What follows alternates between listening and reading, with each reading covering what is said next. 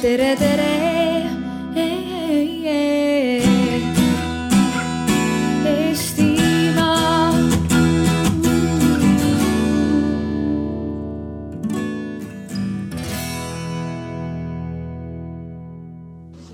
Tere tulemast tervisealale ja tere tulemast siis Terviseameti korraldatavale teisele arutelule.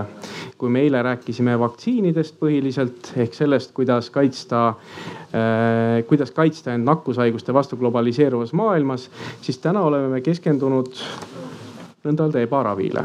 ehk see arutelu kannab pealkirja, kuidas kaitsta inimese tervist tema enda eest ja enne kui me läheme edasi osalejate tutvustusega, meil siin üks osaleja ka praegu hilineb, katsume siis selle minu jutuga seda tühimikku kuidagi täita räägime läbi reeglid, sest igal sellel arutelul on olemas oma kindel reeglistik ja selle reeglistiku on välja töötanud Arvamusfestivali korraldajad ja selle eesmärk ei ole mitte midagi muud kui arendada meie arutelukultuuri. ja ühine kokkulepe ongi see, et kõik arutelud järgivad head arutelu tava. ja sama tähtis kui arutlemu, arutlemine ja oma väidete tõestamine on ka teise osapoole kuulamine, erinevate seisukohtade aktsepteerimine. et siin ilmselt kõlab erinevaid seisukohti, mida me võib-olla kõik ei aktsepteeri otseselt, aga samal ajal igal inimesel on siin õigus arvamusele. kellegi arvamus ei ole parem, kellegi arvamus ei ole halvem. kindlasti me austame aega, arutelu juhti ja kõiki osalejaid. kuna meil on siin piiratud aeg, poolteist tundi, siis me peame ühiselt pingutama selle nimel, et me selle poolteist tundi võimalikult hästi ära kasutaksime. kui me midagi väidame, siis me ka tõestame, miks see on nii. ehk kui meil on mõni mõte, me ütleme, et see on nii, siis me ka ütleme sinna juurde, miks see meie arvates on nii kindlasti me kuulame teisi, ehk üks väga oluline osa on enda arvamuse avaldamine, aga teine väga oluline osa on ka kuulamine. ja me oleme arutelus osalevate inimeste suhtes hinnanguvabad. ehk me ei vaata mitte seda, kes ütleb, vaid me kuulame, mida ta ütleb ja muidugi ka lahenduskesksus ehk see tähendab seda, et kui meile ei meeldi see, mida me kuuleme, meile tundub, et me tahame sellele vastu vaielda, siis äh, me esitame enda kriitika näiteks repliigi korras ja see kriitika võiks olla selline lühike ja seal, sellele võiks järgneda ka lahendus, et ma arvan, et võib-olla teil ei ole päris õigus, see võiks olla hoopis niimoodi. Äh, rääkides nüüd ajalistest piiridest, siis äh, mina esitan siis küsimusi, tõstatan teemasid ja vastuse ütleme, sõnavõtu pikkus on kusagilt kolm minutit orienteeruvalt. kui see kolm minutit saab läbi, siis peaks tulema selline hääl ja see ei tähenda nüüd seda, et automaatselt peab nüüd kohe poole sõna pealt vakka jääma, vaid see tähendab seda, et see mõte tuleb siis ilusti võimalikult kiirelt lõpetada. Äh, repliigi esitamiseks on siis üks minut, samamoodi kui see üks minut on läbi, kõlab jälle see kellukese hääl.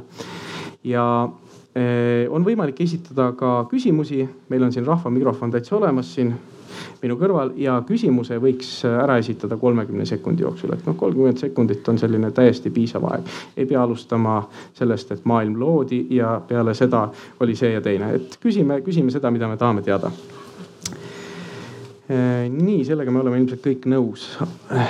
aga hakkame siis osalejate tutvustusega pihta, meil on küll endiselt üks koht siin täitmata, aga ma usun, et küll see ka, küll see ka täitub. et siin minu kõrval siis istub äh, Tuuli Jõesaar, kes on siia kutsutud kui ajakirjanik ja Tuuli on siis võitnud kahe tuhande viieteistkümnendal aastal äh, MMS-i tarvitamise äh, artikli kirjutamise eest ka Bonnieri preemia. Läks vist õigesti, eks ole?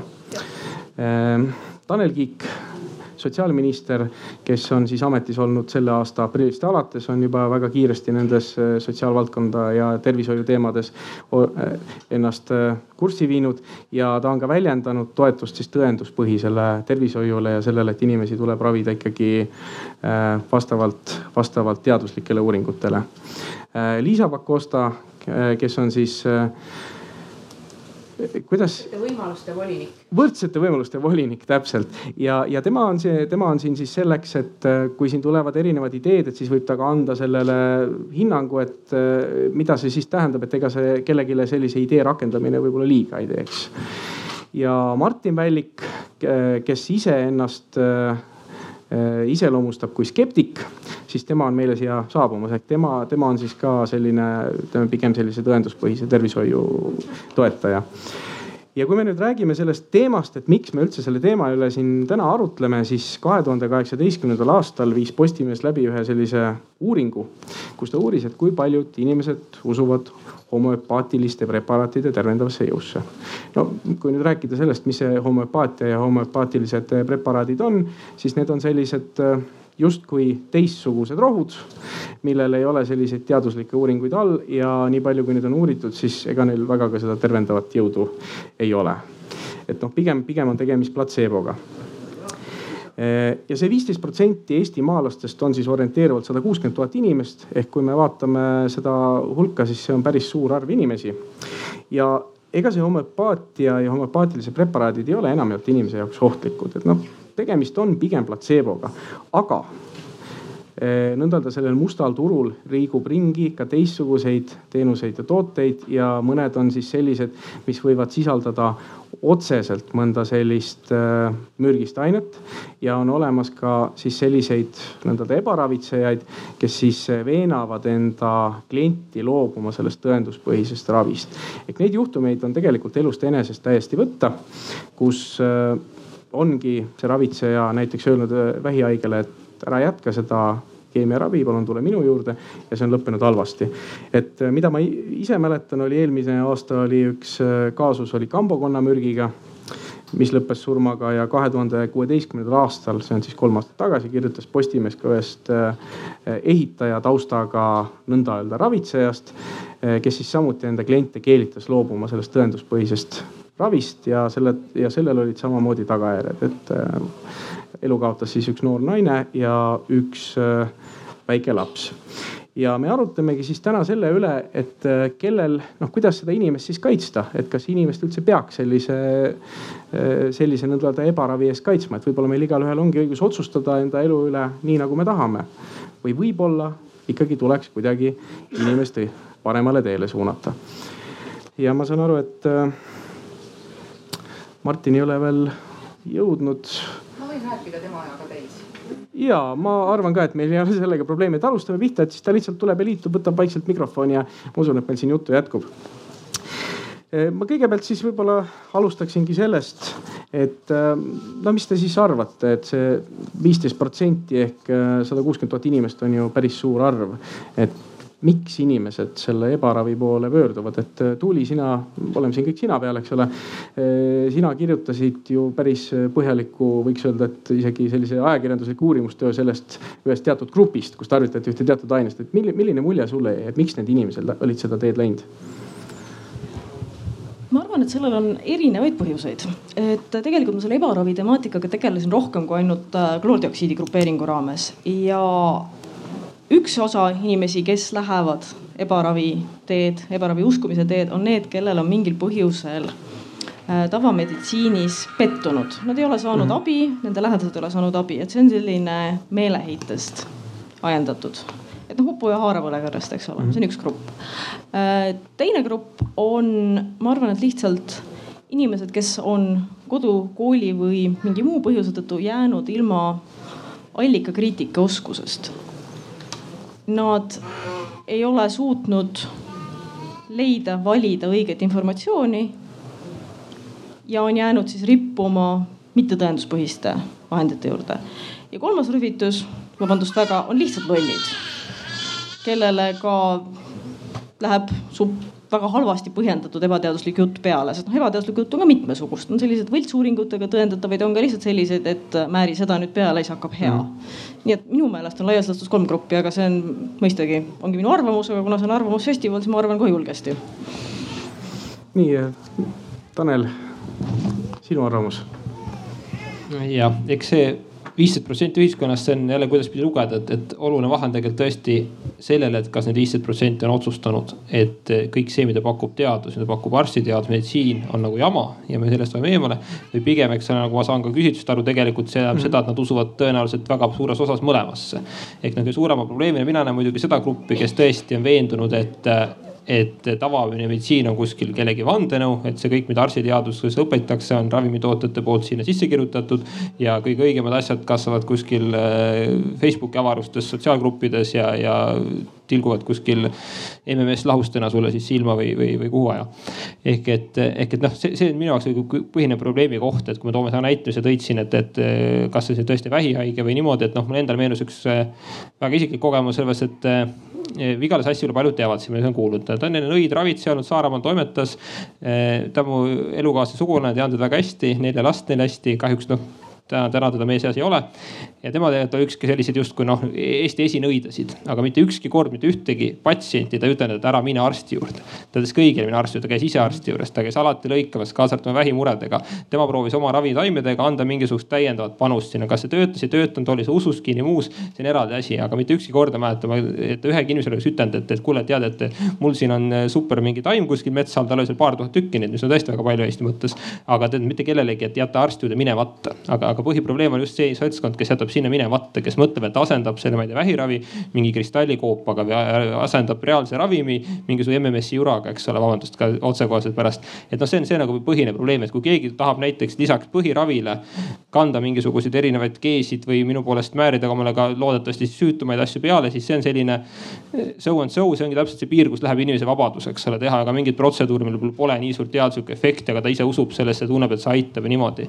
aga nii kui inimene selle piiri ületab, et ta keerab nagu selja teadus, tõenduspõhisele meditsiinile, päris meditsiinile, päris ravile. veel enam, kui hullem on see, kui keegi näiteks müüb talle midagi, nagu sa veen, välja tõid, et veenab teda loobuma päris ravimitest. kasutab ära tema siis naiivsust või, või antud juhul meeleheidet, nagu siin viidati mm. -hmm. et noh, see on juba see seltskond, mille puhul mina tahaks reaalselt, et sekkuks juba mitte meie valdkonna inimesed, vaid eh, juba natukene karmima ministeeriumi esindajad mm. -hmm aitäh, et kui lubate, ma teen natuke pikema sissejuhatuse, aga ma siis selle järgmise ringi võin näiteks vahele jätta mm. -hmm. no kaks korda kolm, eks ole. et äh, ma selgitan natukene, et miks mind siia tõenäoliselt kutsuti ja Eestis on siis keelatud igasugune diskrimineerimine sellest räägib juba meie põhiseadus ja seda diskrimineerimiskaitset täpsustavad siis kaks seadust, soolise võrdõiguslikkuse seadus ja võrdse kohtlemise seadus.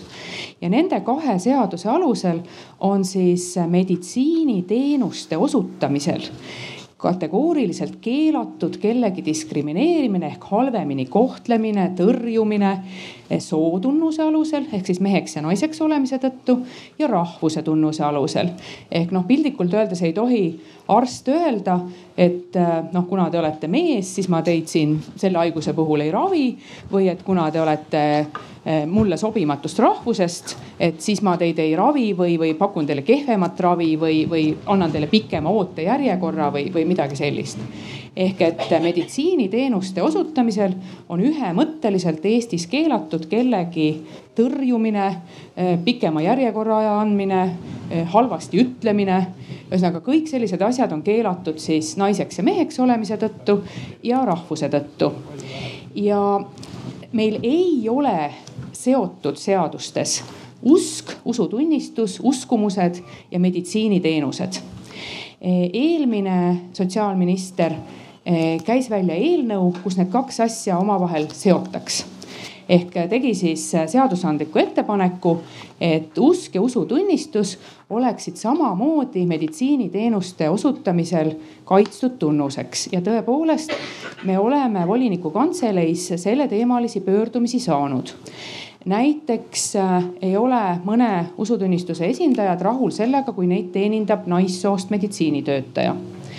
Või siis näiteks me saime kaebuse, et äh, ühele inimesele oli määratud diagnoosiks religioosne luul. selline diagnoos on tõepoolest olemas mm -hmm. ja see mhm. tähendab siis seda, et äh, inimesel on äh, tavapärastest uskumustest erinevad jõulised usulised ettekujutused näiteks mm. -hmm ja, ja kui minna detailidesse, siis äh, me teame teiste riikide kogemustest, et tegelikult kõik alates äh, taimetoitluse eelistamisest või ka muudest uskumustest kohtuvad nagu meditsiinis mm -hmm. siis uskumustena ja siis selle parasjagu kehtiva tõenduspõhise meditsiini arusaamadega ja sealt mm -hmm. tekib konflikte. ja nüüd ongi siis küsimus, et kuidas me seda õiguslikult reguleerime või ei reguleeri. et meie vastus on olnud siiamaani see, et me tahaksime enne seda seadusemuudatust näha oluliselt põhjalikumat analüüsi, et mis see Eestis tegelikult tähendaks või mis see nagu kaasa tooks. ja, ja siin selles arutelus noh, ma saan tõesti nagu aidata kaasa mõelda, et, et juhul kui meil seadus muudetaks, et mis see olukord siis oleks, et täna kehtiva seaduse alusel uskumused, usk Äh, usutunnistused ei ole otsesõnu seotud meditsiiniga ja inimesed ei saa nõuda, et neile tuleks teha mingeid erandeid või et neid tuleks kuidagi teistmoodi kohelda, sellepärast et neil on sellised uskumused või, või sellised äh, veendumused mm. -hmm. aga me teame, et juhul kui see muudatus tehtaks, et mis siis, mis siis võiks nagu hakata juhtuma. Mhm. okei okay,, väga hea, et äh, tere tulemast, Martin. ma siis küsin ka sinult sellise lühikese repliigi, et hästi lühidalt ka ütlen, et sõnavõtt on meil kolm minutit, repliik on kuskil minut ja siis äh, kolmkümmend sekundit on küsimus, eks ole, et meil on niimoodi nad umbes paika pandud ja üks kelluke annab teada, kui see saab täis. et äh, küsimus oli tegelikult see, et miks inimesed on üldse hakanud ebaravi uskuma, et milles milles see probleem võib olla? et sa oled nende teemadega päris palju tegelenud jah, mina olen Martin Vällik, skeptik.ee ähm, asutaja ja vedaja. Tõesti olen skeptiliselt vaat, vaadelnud äh, sealhulgas ka meditsiiniteemasid aga miks inimesed nüüd äh, valivad ühe või teise nii-öelda ebaraviviisi või posimise või, või kuidas heal lapsel mitu nime? ilmselt on neid põhjuseid vägagi palju, väga erinevaid, iga inimese puhul on see personaalne. on see siis pettumus äh, selles, et äh, ta ei saanud äh, teaduspõhisest meditsiinist abi, on see isiklikud veendumused, usu, usutunnistus või, või noh, ütleme perekonnaga kaasa kasvanud mitmesugused asjaolud, eks ju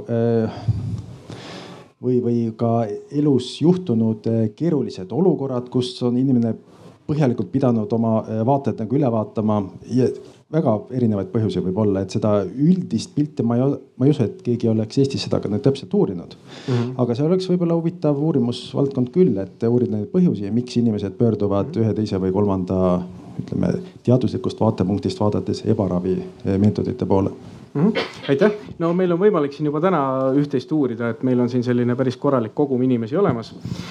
Ma enne unustasin öelda, et teil on sellised värvilised paberid siia toolide peale pandud, et üks on roheline, teine on punane. Need on selle jaoks, et näiteks kui me siin midagi räägime, siis on võimalik selle paberiga näiteks anda märku, et kas see mõte meeldib või ei meeldi, et noh, roheline tähendab seda, et meeldib, punane tähendab seda, et no pigem on teil endal võib-olla natukene teine arvamus. ja seda saab kasutada ka hääletamiseks.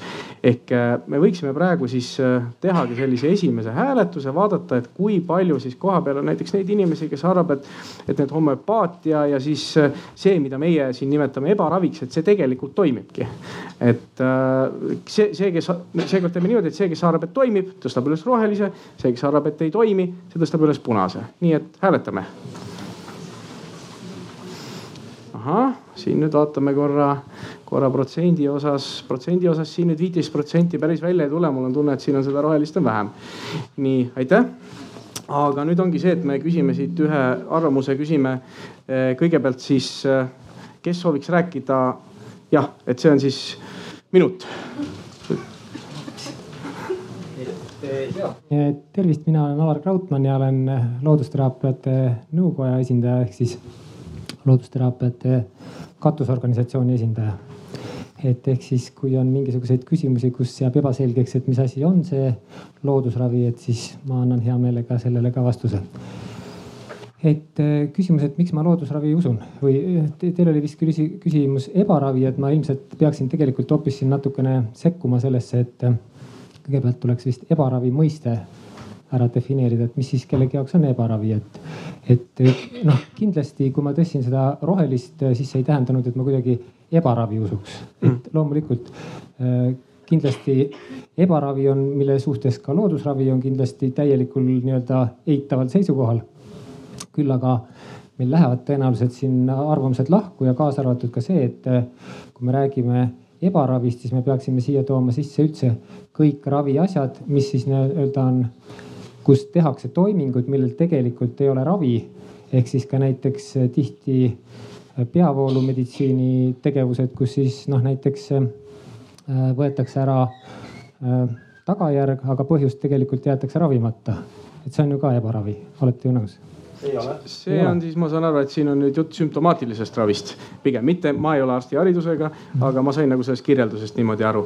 aga ebaravi osas ma täpsustan, et ebaravi all, noh, see definitsioon on terv-, on Terviseameti kodulehel toodud. me mõtlemegi selliseid tegevusi, mis on kas äh, kahjulikud või millel ei ole absoluutselt mitte mingisugust mõju. et noh, mina ka nõustun selles osas teiega, et kui mul on kurk valus ja mul on äh, piparmünt olemas kodus, ma teen endal piparmünditeed ja ma tegelikult usun, et see piparmündil on, eks ole, nii-öelda tervendab täiendav äh, mõju. aga küll ma ei usu, et äh, näiteks torusiili lahjendatuna joomine kuidagi võiks minu tervisele kasuks tulla. et noh, see on minu vaade sellele. et, et selles suhtes ma arvan, et meil lähebki nagu need arvamused suhteliselt äh, ühtemoodi. küll aga noh see, see, see, see praegu see torusiil nii-öelda ehk siis see MMS, ma pean ütlema või, või kuidaspidi iganes see mm -hmm. nüüd on, et mm, ma pean kõigepealt alustuseks ütlema, et see on teema, millega mina kui loodusravi inimene ei ole tegelenud, sellepärast et see ei kuulu minu kompetentsi, see ei ole loodusravi, see on keemiline ravi. küll aga noh, mind on nagu selle, selle, selle teemaga on nagu huvitavalt äh, tekkinud mul küll palju küsimusi mhm. lihtsalt mm -hmm. selle väliselt, et mm, -hmm. et seda teemat on kummaliselt käsitletud mm -hmm. selle koha pealt. et paljudes maades millegipärast see on lubatud äh, Euroopa riikides et no, miks, mul tekib ka küsimus, et kas need, need.... me ei hakkaks siin nüüd minema no. selliste detailide peale, sest see, see, on, see ongi eraldi küsimus. teema. kuigi see on huvitav küsimus. see on eraldi teema, aga meil on siin tegelikult täna ikkagi selline pigem filosoofiline mõtisklus, et noh, kas ja kuidas, eks ole. aga aitäh ja siis, kas keegi soovib ka nüüd äh, sõna võtta, kellel on teistsugune arvamus, kes ütleb, et tema nüüd jäägitult usaldab pigem tõenduspõhist tervishoidu? või on, ahah, selge ma olen psühholoogiaüliõpilane ja loodan saada kliiniliseks psühholoogiks ehk siis äh, ka aidata arstidel paremini tööd teha ning äh, võib-olla natuke vastulauseks öelda, et jah, mõnikord on raske leida üles äh, just ka näiteks vaimse tervise puhul, mis põhjustas näiteks mingi häire või tegi mm. mingi asja. et see võib olla aastaid tagasi ja see ei ole selge, aga siis ongi oluline tegeleda just sellega, et inimese enesetunne muutuks paremaks ning minu arvamus on see, et tänapäeva meditsiin ja arstid saavad sellega hakkama, lihtsalt nende juurde võib olla raske aega saada Eestis mm. -hmm. nii, aitäh. nii jah, see, see on tõesti ka üks, üks põhjus või selline võimalik põhjus, mida on, mida on erinevatel aegadel nimetatud. ma hästi lühidalt küsingi, et äh, minister on meil siin olemas, kas arsti juurde on raske aega saada? hästi lühidalt kahtlemata on äh, arstijärjekorrad Eestis jätkuvalt liiga pikad. sinna tuleb panustada läbi e-lahenduste, läbi inimestega harimise, et millal pöörduda üldse arsti juurde, millise arsti juurde, on see EMO, on see perearst, millal on vaja eraarsti ja nii edasi. eriarsti, vabandust, et, et tegelikult noh, täna ongi see olukord üle, et kus ühest küljest kogu süsteem tervikuna väga palju lisaraha tõenäoliselt lähiaastatel ei saa. aga, aga järjest kasvab abivajajate hulk ehk aina mõistlikumaks, oluliselt läheb see, et, et seda raha ja seda ressurssi kasutada efektiivsemalt. just nimelt selleks, et neid ravijärjekordi vähemalt hoida tänasel tasemel, kui mitte lühendada, aga nagu öeldud, see ei ole niimoodi, et etteheide nüüd arstidele või etteheide inimestele, et see eeldab kogu süsteemi sellist terviklikku vaadet. mille üheks näiteks on ka see digiregistratuuri käivitamine, mis just ära tehti mm. -hmm, aitäh. Äh, Tuuli, et ma küsiks sult sellist asja. minul on äh, kogemus päris paljude ajakirjanike ajakirjanikega eh, suhtlemisel ja, ja mõni neist on küllaltki sõjakas, et võtab ühendust, ütleb, et miks Terviseamet ei ole seda ebaravitsejat maha väänanud. miks see asi on endiselt müügis, miks te ei tee mitte midagi, miks on see portaal endiselt sulgemata? no kas teil üldse kohe mitte mingit jõudu ei ole? ja siis ma lähen võtan sellesama selle portaali lahti, eks ole, kus, kelle heaks tema töötab ja seal on olemas täitsa ilusti esoteerika nurgake, kus on kirjutatud, et kümme maagilist äh, õli, mida peale määrides saab äh, ravida ära kõik enda tervisemured, eks ole. et kas, et, et mis sinu arvamus on, et kas ajakirjandus mitte sellise, selliste esoteerika nurgakestega mitte seda ebaravi ise ei propageeri? Ja kas see on eetiline, et see oleks nagu natuke noh, minu arvates skisofreeniline, et ühe külje pealt me väga taunime ja teise külje pealt meil on nagu endal ka seesama asi olemas. Muidugi see on jama, see on täielik jama, loomulikult on. et äh, seda ei tohiks seal olla ja seda ma saan äh, ajakirjanikuna täiesti öelda, aga äh, paraku on ka ebaraviusulised maksvad reklaamikliendid ja nii see, nii need nurgakesed seal on. ja ainus, mis selles teatud määral positiivset on, et senikaua kuni sedalaadi portaalid või nurgakesed on äh, suurte ajalehtede tiiva all, siis on mingisugunegi võimalus kuidagi hoida nende toimetamistel silma peal ja kontrolli all. et midagi väga hullu sinna üles riputatakse, et ma vähemalt hiljuti võin siis Delfi portaali kasuks öelda seda, et kui seal äh, ilmus lahke nõuanne esoteerika nurgakeses, et kõrvetiste vastu tasuks hapet juua, siis ma võtsin midagi ette ja läksin ja reguleerisin selle jama ära no nii, suur tänu sulle selle eest. et äh, Martin, sina kui skeptik, et kuidas sina suhtud sellesse, et meil iseenesest nagu igal portaalil on olemas selline esoteerika nurgake, et kui sa tahad, sealt saad igasuguseid huvitavaid nõuandeid. ja e, selles mõttes skeptik on e väga puhas selle koha pealt, et seal antakse ainult e, hagu nendele esoteerikutele ja ei mingisugust mööndust mitte kusagil noh, kui võib-olla kommentaarides keegi ütleb, et aga mina usun vaat seda ja vot proovige seda, aga noh, see on juba kommentaari, kommenteeri enda vastutusel mm. -hmm. et eh, tõesti ka, eks ma olen ka ajakirjandusväljaannetele, nende juhtkondadele ja, ja vastutajatele nagu märku andnud aeg-ajalt, et eh, inimesed, millega tegelete, ühest küljest te nagu annate hoogu juurde sellele, et inimesed usuksid iga, igasugust jama ja teenivad selle pealt ja teisest küljest siis tuleb, eks ju, Tuuli artikkel, kus ta siis paljandab, paljastab suurejoonelise vandenõu või, või sellise võrgustiku, eks ju, mis meie tervist ja laste tervist tuksi keerab ja saab selle eest ka Bonneri preemia, eks ju. ja, ja tõesti sihukene skisofreeniline seisund seisukord paistab nagu küll teinekord ja, ja, ja noh, eks tuleb siis märku anda neile, nendele, kes vastutavad, need, kes otsustavad neid asju, mida nad võtavad üle, mida nad ei võta üle, mida nad avaldavad ja mida nad ei avalda. aga see märkus, et vähemalt toimetuse külje all on mingisugunegi võimalus eh, neid artikleid sealt kõrvaldada, mida on ka tehtud. Eh, et noh, hea seegi Tanel, sul oli vist ja, midagi lisada? Eh, kindlasti nüüd valitsus ei hakka meediat tsensuurima, et ütlen selle kohe ära. aga kui ma nüüd isiklikult kodanikuna saaksin valida, siis mina muidugi oleksin siin mõnevõrra veel vist eh, kas sama karm või karmim kui eelkõnelejad, et, et lugedes aeg-ajalt tõesti neid igasugu nupukesi, kuidas ma ei tea, mis tähtkujud, mis kuupäeval lapsi saavad saada, eks ole, ja mis eh, ma ei tea, omavahel kokku sobivad ei sobi ja kõiksugused võimalikud, kaasa arvatud just lugejakirjad tihti, mis on jah, tõesti lugejakiri, aga jõuab väga paljude inimesteni, mis sisaldab mingisugust täielikku nonsensi või on see võib-olla ka auto toimetuse enda kirjutab, ma ei oska öelda, eks ole. ehk et, ehk et noh, sellise info nagu levitamine minu meelest selle sildi all, et noh, vähemalt me hoiame kontrolli all, ma ikkagi kardan, et ta pigem võimendab seda probleemi, pigem ta suurendab seda osakaalu, kes sellist infot tarbivad. sest neid igasuguseid muid väiksemaid lehti nii kergesti üles ei leitaks.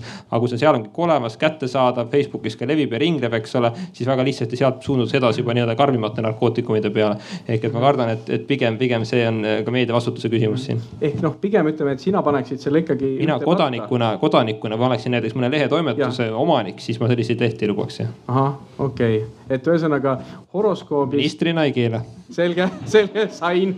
näiteks Helsingi Sanomad on otsustanud eh, kõige kõrgemal tasemel, et nemad ei avalda horoskoope mm. -hmm. ja ootan, et mõni Eesti ajaleht ka sellise äh, otsuse teeks mm -hmm. ja seda kõva häälega välja kuulutaks. Nad küll teavad, et nad kaotavad hulga lugejaid, eks ju, seetõttu, et kes ootavadki, et noh, et tuleks lõpuks horoskoop saab oma eluga kuidagigi edasi minna, eks mm -hmm.. eneseregulatsiooni küsimus mm. -hmm. just, just. jah, et aga toimetus võib selle otsuse teha ja ma väga aplodeeriksin eks sellise siis, otsuse peale, et jah, see horoskoop on nagu sihukene nõrk narkootikum, mille pealt minnakse kangematele üle.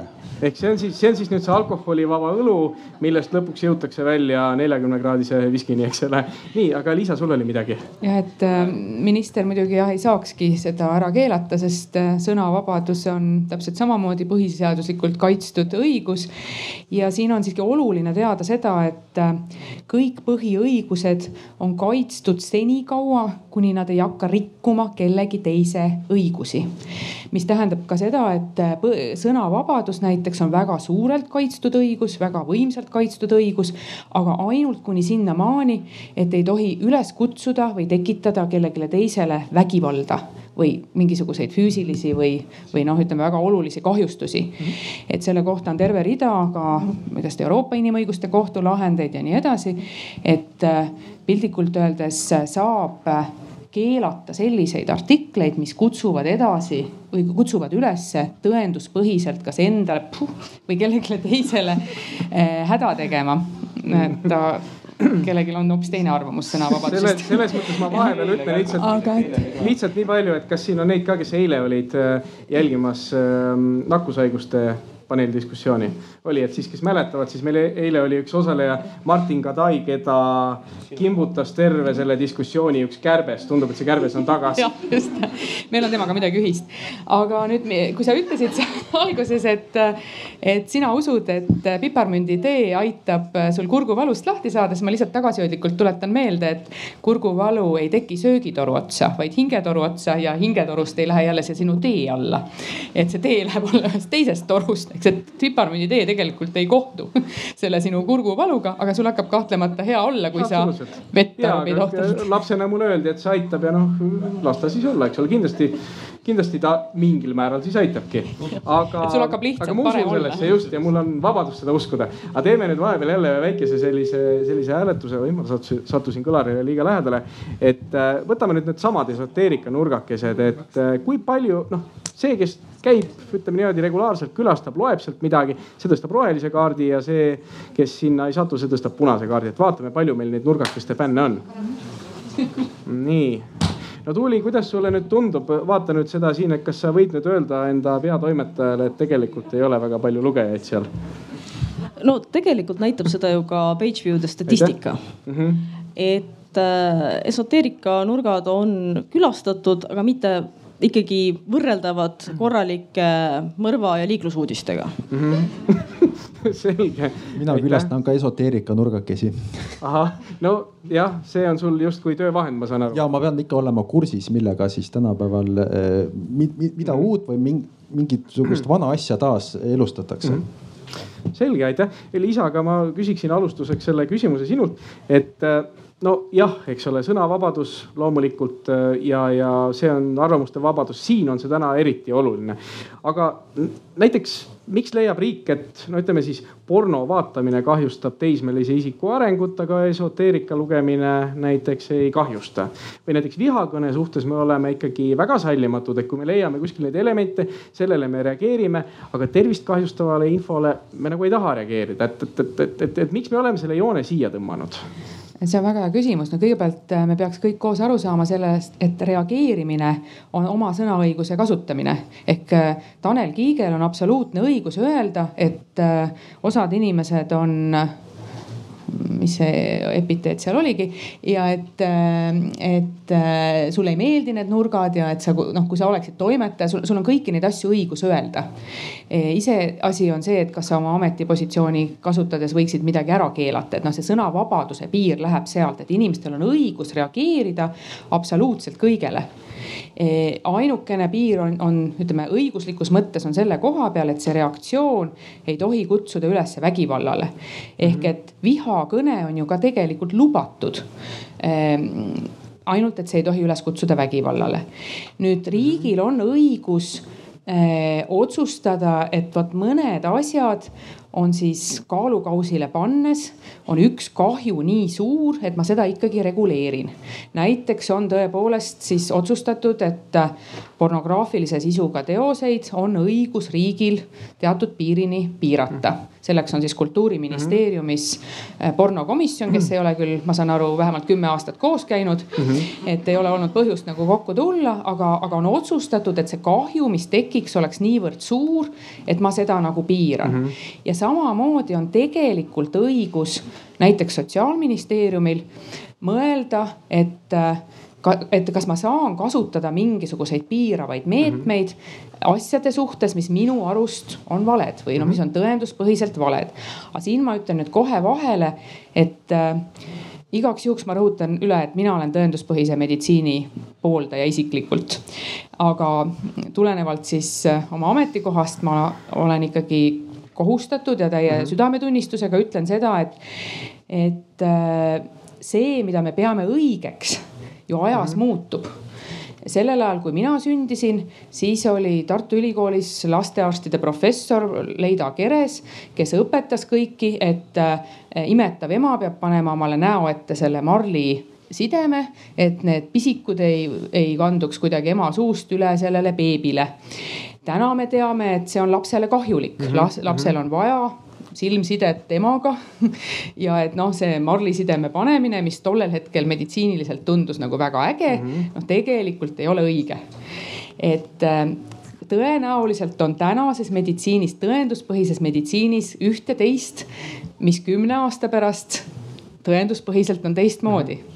nii et noh, selles mõttes see diskussioon selle üle, et äkki on niimoodi õigem ravida, on, tegelikult ei ole vale mm. -hmm. aga see arutelu käibki ju meditsiini sees, mitte eks ju eh, nii-öelda ebameditsiini ja meditsiini vahel, vaid meditsiini sees. No, ma ütlen ühe ma... repliigi siia juurde, et eh, kui me ajaloost vaatame, see on, ütleme võib-olla viimased lüike, aastad repliik. niimoodi ja, olnud, aga varasemal mm -hmm. ajal ei ole, on ka see meditsiinist väljapoole minev arutelu noh, võib-olla toonud kaasa need muudatused, et meil olid ju papid ja kirikuõpetajad mm -hmm. olid ju ravitsejad pikka aega. nii, aitäh. Äh, mul on nüüd küsimus ministrile. Äh, meil on ju tegelikult ebaravil ka olnud reaalselt inimohvreid et äh, kas see võiks nüüd olla see piir või ütleme, see näitaja, mille järgi me hakkame mõtlema, et mis selle ebaraviga siis teha, et kas seda peaks kuidagi piirama, selle propageerimist? jah, et äh, siin nüüd äh, ütleme, räägime korra sisuliselt on niimoodi, et, et väga palju neist küsimustest on meie ministeeriumi valdkonnas, kõik ei ole. ja see ei tähenda üldse nüüd palli mujale põrgatamist, vaid tähendab seda, et, et tõesti, me oleme siin kokku leppinud ka mõne muu ministriga ja, ja ka arstide esindajatega, et neil teemadel laiemalt mõtteid vahetada. nii vaktsiinivastaste küsimuses kui ebaravi propageerijate, antud juhul tõesti ma ei pea silmas neid, kes ütlevad, et võta hommikuti lusikatäis mett või joo teed, vaid need, kes ütlevad, et tilguta MMS-i, sest näed, kellegi papagoi sai terveks, järelikult saad sina ka, eks ole. video ju tõestab seda ja kui video näitab, siis järelikult it must be true, eks ole.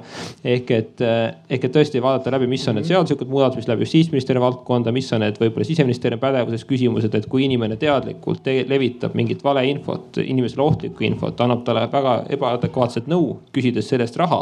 et siis see tegelikult on juba seaduse mõttes siiski kuritegelik tegevus ja siin ei saa mitte olla nüüd arst või, või sotsiaalminister, kes läheb käsi raudu panema, vaid selleks on tõesti juba teised mm, -hmm. teised ametkonnad ja see koostöö siin peab kindlasti paranema, sest täna tõepoolest on need suhteliselt niimoodi karistamatult toimetavad kuskil Facebooki avarustes, parimal juhul saame report ida neid lehti kinni. see ka suure nii-öelda meediakampaania peale, kuna teatavasti Facebook ei allu Eesti riigile, ei peagi alluma.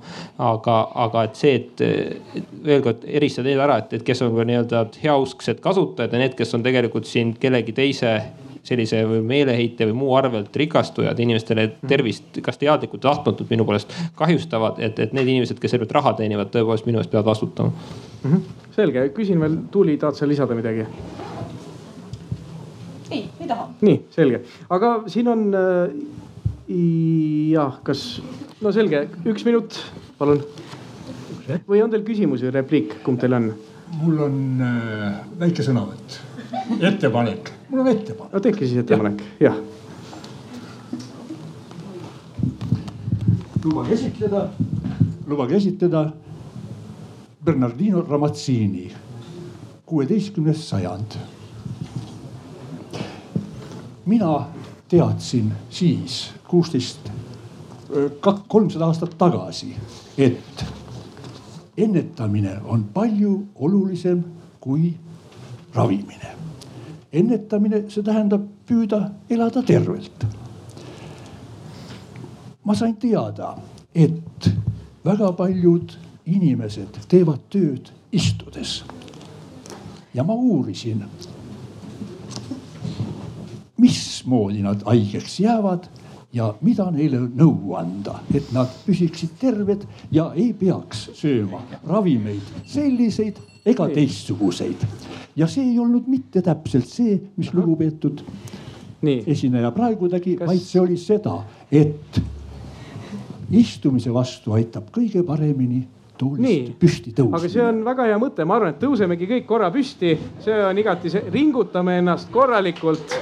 nii väga hea, teeme ka sellise Aitäh. aplausi siis sellise ettepaneku eest. Ja kui ma tohin anda nõuande siin kogu paneelile seda võiks teha võimalikult tihti, veel mõned korrad tänase päeva jooksul, aitäh. selge, lubame, teeme, aitäh!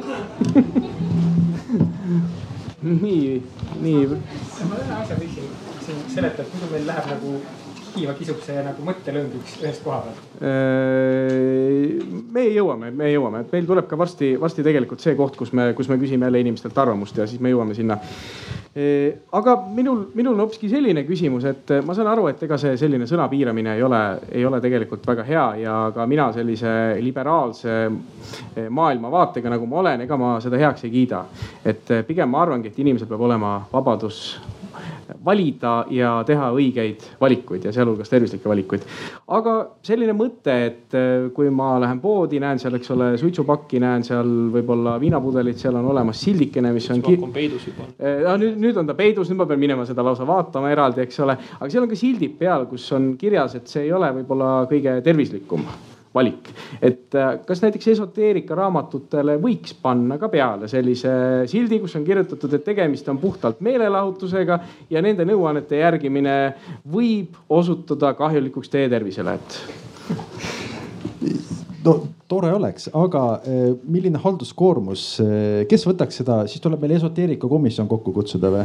ja kes siis otsustab, et vot sellele raamatule paneme, sellele mm -hmm. ei pane. Eh, muidugi raamatukauplusi aeg-ajalt aktiivsed kodanikud ka informeerivad, kui on terviseosakonda sattunud mõni esoteerikaraamat et noh, tervis, eks ju, seal on psühholoogia alused, seal on anatoomia ja siis on kõrval, et kuidas kristallkuuliga oma ma ei tea, konna silma ravida mm. -hmm. et, et palun, et pange see raamat siis kuhugi teise riiulisse, eks ju, ta võib mm -hmm. ju seal olla, see raamat, aga no ta ei pea olema seal teiste kõrval, eks ju mm, -hmm. päris terviseraamatute kõrval. ehk siis pigem, pigem siltide panek võiks olla keeruline, eks ole, ma saan aru. no mõte iseenesest on ju intrigeeriv, eks ju, et tõesti see ebaravi järgimine võib tõepoolest olla tervisele kahjulik ja seda sõnumit oleks hea ju inimestele kohale viia, et aga kas see nüüd see kõige parem viis on, ma ei oska öelda öelda. suur oli mu üllatus, kui ma aasta tagasi avastasin Frankfurdi lennujaamast, et heegeldamise raamatud on tõstetud vaimse tervise sektsiooni. et aga jällegi Mm, Eestisse või ütleme Euroopasse ei töötaks, kui te vaatate meditsiin, isegi meditsiiniraamatuid, äh, mis on mõeldud äh, laiale publikule, näiteks Ameerika Ühendriikides, siis nendel kõigel on ette kirjutatud see, et, et toimetusi autorid ei vastuta absoluutselt selle eest, konsulteerige arstiga ja, ja ühesõnaga ärge mhm. kasutage selle raamatu nõuandeid. ja see tuleneb lihtsalt sellest, et eh, valurahad, mida tuleb maksta Euroopa Liidus ja valurahad, mida tuleb maksta Põhja-Ameerikas juhul, kui midagi lähebki valesti ja keegi ütleb, et ma sealt raamatust lugesin ja midagi läks valesti, on lihtsalt niivõrd kardinaalselt erinevad. et Eestis äh, mõistetakse ka neid valurahasid välja, näiteks diskrimineerimise eest, need jäävad ikkagi suurusjärku kuskil kolm tuhat kuni kümme tuhat eurot. noh, mis võib olla väga suur raha, äh, ütleme sellises, ta ei kata seda tekkinud kahjut ja, ja kolmas asi, mis ma tahaks öelda, et siiski nüüd, nüüd mina olen skeptiline korra. et äh, näiteks äh, Eestis on eelmisel sajandil välja antud äh, lastearsti poolt kirjutatud raamat, mis õpetab lapsevanemaid, et äh, last tuleks varakult harjutada juba valuga ja sellega tuleb siis, selle tõttu tuleb äh, vastsündinud imikuid hakata nööpnõelaga küüne alla torkima, selleks et noh, vastsündinud imikud harjuksid valutunnet ja selle on kirjutanud lastearst mm. -hmm. et, et selles mõttes mõttes läheks väga keeruliseks äh, selle joone nagu tõmbamine. see on mhm. eesti keeles ilmunud raamat. nii selge, tuli sinule vist. ja, et noh, me oleme siin jupp aega nüüd rääkinud, mida keelata või mida mitte keelata, aga liikudes nagu selle positiivsema poole mm -hmm. peale, millest on ka tegelikult räägitud, see ei ole mingi uudis, et kooliprogrammid, et me võib-olla seda põlvkonda, kes äh, praegu ebaraviga täiskasvanuna tegeleb, ei hakka päästma, ei olegi vaja päästa, et seal toimub looduslik valik mm. -hmm. aga see põlvkond, kes koolides kasvab, et see võiks olla mõttekoht mm. -hmm. sest tegelikult minu teada praegu endiselt kooliprogrammid tervisega tegelevad sinnamaani, et noh, et mm -hmm. inimesel on, eks ole, kopsud ja maksad ja et tuleb süüa tervislikult mm. -hmm. aga mis õigupoolest on haigus, kuidas haigused tekivad ja meditsiini üldpõhimõtted, kuidas neid ravitakse, kuidas, kuidas seda kõike tehakse, see, selle saab samamoodi kirjutada lihtsamas võtmes lahti, nii nagu on kirjutatud kõigi muude ainete õpikud. et see võiks olla üks tee, mida minna. ja teine aspekt, mis Eestis on väga puudulik, on keskastme ametlik infoallikas tervise kohta mm. -hmm. et meil on ülilihtsustatud brošüürikesed, mida teha, kui sul on eesnäärmevähk, et noh, tule arsti juurde veel kolm mummukest. või siis on, eks ole, tõsiteaduslik kirjandus juba, aga ei ole sellist keskmist äh, teatud alal, ütleme kõrgharidusega või vähemalt keskharidusega keskmist tubli Eesti inimest, kes lihtsalt võib-olla ei valda piisavalt ühtegi suurt võõrkeelt, et seda infot ammutada võõrkeeles mm. -hmm. et see võiks olla asi, millele saaks ehk riik eraldada rohkem raha, sest meie inimene.ee on hea algatus, aga väga-väga-väga puudulik sest sageli, kui me, üks moment ma ja, ja, tõmban kähku otsa kokku, on ka see, et meile kõigile on koolis õpetatud, kus meil need kopsud ja maksad asuvad. aga sellise nelikümmend viis pluss inimesel ei pruugi see enam sugugi meeles olla ja veel vähem teab ta seda, kuidas neid kopse maksasid siis tegelikult peaks kohtlema mm. -hmm. ja kui siis tuleb mõni abivalmis esoteerik, kes ütleb et tilgake sinna, tilgake tänna, vaesel inimesel ei olegi õigupoolest lihtsa vaevaga võimalik leida kuskilt infot, kuidas siis tegelikult peaks olema. Noh, õnneks ma usun, et sotsiaalminister saab haridusministriga suhelda ja võib-olla ettepanekuid teha. et minul on pigem see küsimus, et millal siis esoteerikakomisjon tuleb kokku ja kes sinna hakkavad kuuluma jah, et äh, las ta komisjon esialgu ootab natuke oma aega.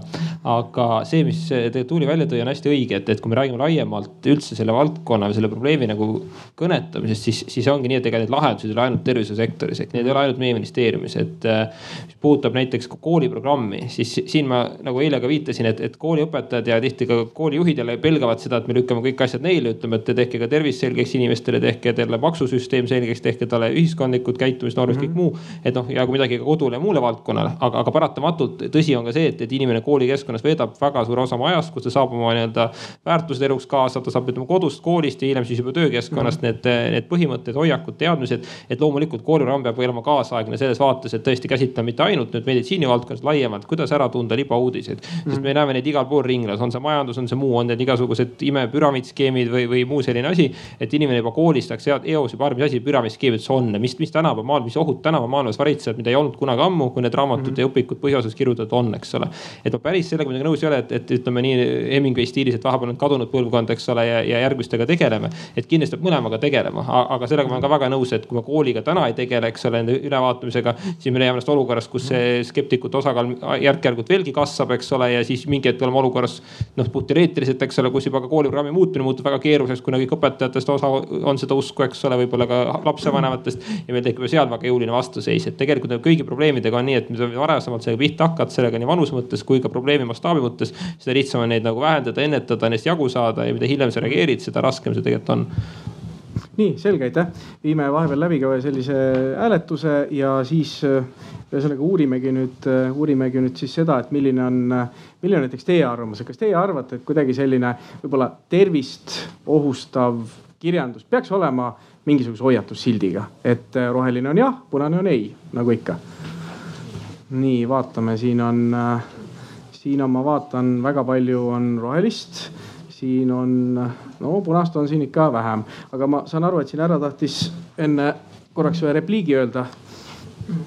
ja aitäh, et, et ma lihtsalt äh, tahtsin, et mulle, mulle tundub, et muidu me läheme natukene oma mõttelendudega võib-olla siin äh, rappa, et, et ma tahtsin õiendada ära ühe, ühe sellise äh, teema.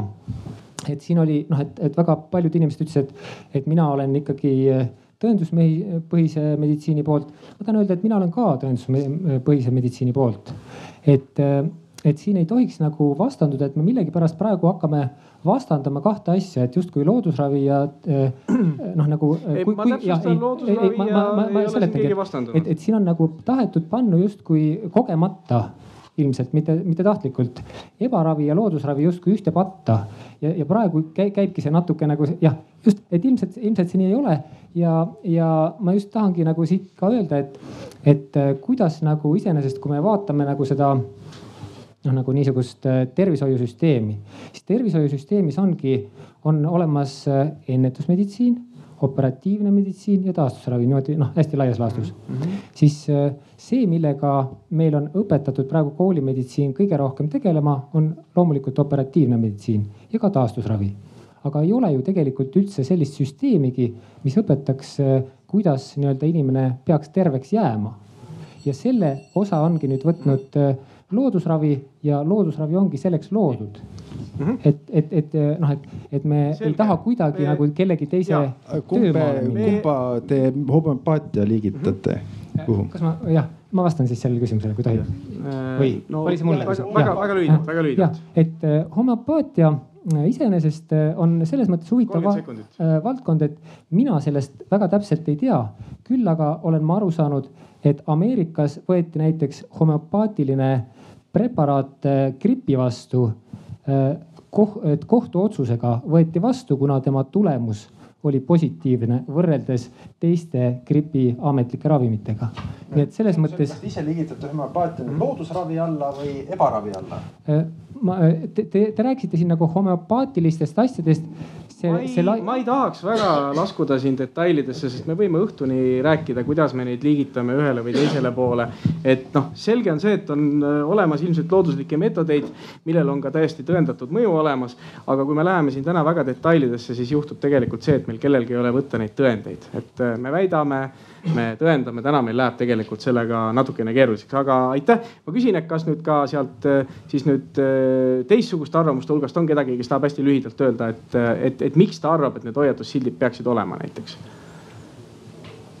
tundub, tundub, et ei ole eh, liigume siis, liigume siis edasi. no minul on see, minu käest on küsitud, et seda küsis ükskord üks, üks tegelikult ajakirjanik ja ma mõtlesin, et see. ma võib-olla vastaks selle küsimuse sulle. tõstaks nüüd selle ma, ja me tegelikult oleme nüüd juba edasi liikunud, et äh, me, me, me jõuame pärast rääkida ka eraviisiliselt. aitäh, et äh, kunagi üks ajakirjanik küsis mu käest sellise huvitava filosoofilise küsimuse, et äh, kas sellist, ütleme tõenduspõhist ravist, eh, tõenduspõhisest ravist loobumist võiks kuidagi käsitleda näiteks suitsiidina? ja juhul, kui riik seda ei reguleeri, kas riik on siis kuidagi sellele suitsiidile kaasaitaja, eks ole? et noh, et mis näiteks minister, et mis on, mis on, mis on arvamus selle poole pealt? jah, eks see on nihuke hästi mustvalge küsimus, eks, et äärmuslik, et, et noh, printsiibis ma olen sellega nagu nõus, et, et inimese vabaduse ja vastutuse sellise tasakaalupunkti otsimine ongi sihuke noh, pidev, pidev töö ja protsess, eks ole. ehk ma olen ka maailmavaatelt ühest küljest liberaal, teisest küljest äh, sotsiaalse mõtlemisega inimene, mis puudutab näiteks noh, ütleme laste puhul.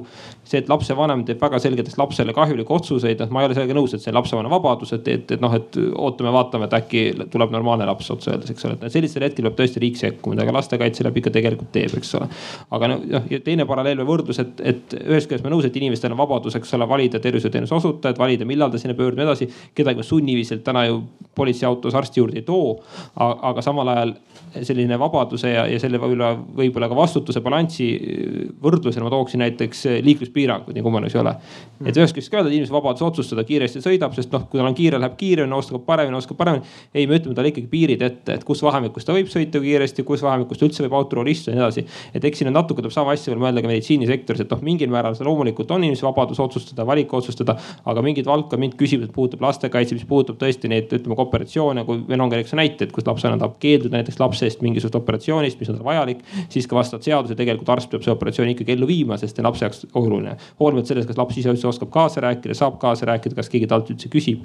aga, aga selles mõttes selline, selline vabaduse ja vastutuse balanss, ma arvan, see ongi selline pidev, pidev debatt ühiskonnas, et ühest küljest inimeste teadlikkus kasvab. aga samal kasvab paratamatult ka võib-olla selline noh, nagu öeldud siin ebaravi ja muu sellise ravi, ma saan aru, et teile see sõna ei meeldi. aga, aga, aga selle, selle nagu, selle nagu ütleme sektori noh, ütleme siis on see siis protsentuaalse osakaal ühiskonnast ja ka nendel on lapsed ja ka nende lapsed on ühiskonna osa, et me ei saa kuidagi neid nagu jätta kõrvale, et noh, nende vanemad otsustavad nende eest. ja nad siis vaatavad ise, kuidas saavad, et meil tuleb ju tõesti riigina vaadata kõik, kõiki oma lapsi, kõiki oma kodanikke, sõltumata vanusest, kõigest muudest näitajatest nii et ma ütlen, et ma siin musta-valget vastust, et mhm. mis hetkel ta nüüd on äh, suitsiid ja riik peab sekkuma, eks ole, ei ütle, aga, pigem see debatt on hästi mm -hmm. nagu vajalik ja, ja mina pigem olen siin ka nagu öeldud, et noh, nõrgema osapoole nagu toetaja, eriti mis puudutab lapsi, mis puudutab neid inimesi. mis puudutab täiskasvanuid, siis, siis noh, ma seda ei kujuta ette, et me toome täiskasvanud jõuga nagu arsti juurde, et see, see, see, piir pigem noh, see jääb ära, see ongi tema valik.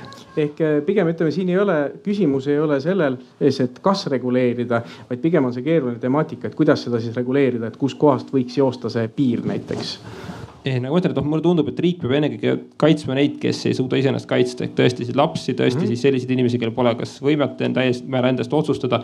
ja nende puhul on see oluline, et, et ei lastaks nende eest teha mingeid otsuseid, mis neile võivad olla eh, teoreetiliselt, eks ole, kuni siis eh, surmani välja mõjuga. Mhm. aga noh, kui täiskasvanud inimene on ta ütleme viiekümne aastane, otsustab lihtsalt, et tema ei taha midagi kuulda meditsiinist. siis noh, seda ma ei kujuta ette, et me tuleme talle politseiga ukse taha, eks ole, ja võtame talle vajadusel vaktsineerime teda või teeme muud raviprotseduuri temaga, et noh, et see nii lihtsalt ei toimi et täpselt nii nagu inimesel on teoreetiline vabadus, eks ole, sõita autoga ainult alla, loomulikult me see, seda ühegi inimese puhul kunagi näha ei taha, et aga samal ajal me ju noh, ütleme printsiibis me ei võta talt autojuhilube ära, me teoreetiliselt ei, ei, ei, ei piira inimesi, ei pane neid kuskile puuri, kui me kardame, et neil on suitsiidaalsed näiteks kalduvused noh et riik võib ju tegelikult seada selliseid piiranguid, kui on tõenduspõhiselt selge, et see piirang on vajalik ja muude meetoditega ei ole õnnestunud seda lahendust saavutada. ja vot need on need hetked, kus siis äh, minu arust väga paljud inimesed ütlevad, et ja, ja peab olema tõenduspõhine, et see peab olema igatepidi teil nagu näidatud, et siin on.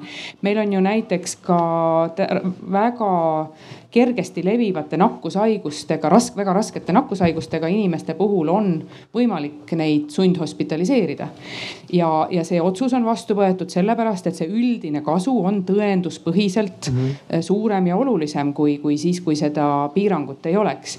et, et selles mõttes see, ma olen väga nõus sellega, et see debatt peab olema, et noh, et kus need kus need piirangud võiksid olla ja kuidas nad peaksid minema ja, ja selle kaudu tuleb see tõenduspõhisuse eluline vajalikkus nagu väga hästi välja, aga ma tahaks veel ikkagi toetada seda Tuuli ettepanekut äh, kooliprogrammi osas. et äh, isegi see, kui meil on siin hulk haritud inimesi praegu koos ja meil on nende terminite osas siin ebalust ja kõige osas, et näitab, et me tegelikult teame sellest asjast vähem, kui me võiksime teada. et äh, mul paremat tõendit praegu võtta ei olnud Soomes on põhikooli astmes terveaastane kohustuslik kursus nii-öelda tervise ja perekonnaõpetust, mis täpselt nendel samadel asjadel ka peatub, et kuidas need haigused tekivad, kuidas nende üldine ravi käib. aga seal on ka väga palju sedasama noh, nii-öelda psühholoogilist poolt, millest siin ka natukene juttu oli mm. -hmm. et näiteks, kuidas ma ennast tunnen, kui minu perekonnaliige satub haiglasse ja, ja noh, mis tundeid see minus tekitab või mis tundeid see minus tekitab, kui mina satun haiglasse. ja ma tooks ühe näite veel, meil on ju, siin oli püstitõusmisest juttu ennem. meil on näiteks tööandjatele pandud kohustus, et tööandja peab vastutama selle eest, et tema töökeskkond on tervislik ja tööandjal on õigus kohustada oma töötajaid näiteks iga kahekümne minuti tagant püsti tõusma. et selline õigus on tööandjatele näiteks antud eesmärgiga, et töötaja ei tohi mingil juhul töökohal haigeks jääda ja selle tõttu võib siis tööandja kasutada sunnimeetodit ja ütlema, sa pead tõusma iga kahekümne minuti tagant mm. -hmm no aktsiisid on hea teema, teeks hoopis esoteerika või umbluu aktsiisi, tähendab kõik need raamatud, mis on seal esoteerika osas müügil oleksid maksustatud aktsiisimaksuga ja see raha läheks näiteks tervishoiuteenuste rahastamiseks, sest et see kahju, mis tervisele tuleb, kui esoteerikaga ennast nagu ravitsetakse. no saab siis vähemalt sedamoodi kompenseeritud võib-olla natukene mm. -hmm. ma saan aru, et komisjoni moodustamisest me ei pääse, eks ole, et siis lihtsalt hakata tegelema aktsiisiga.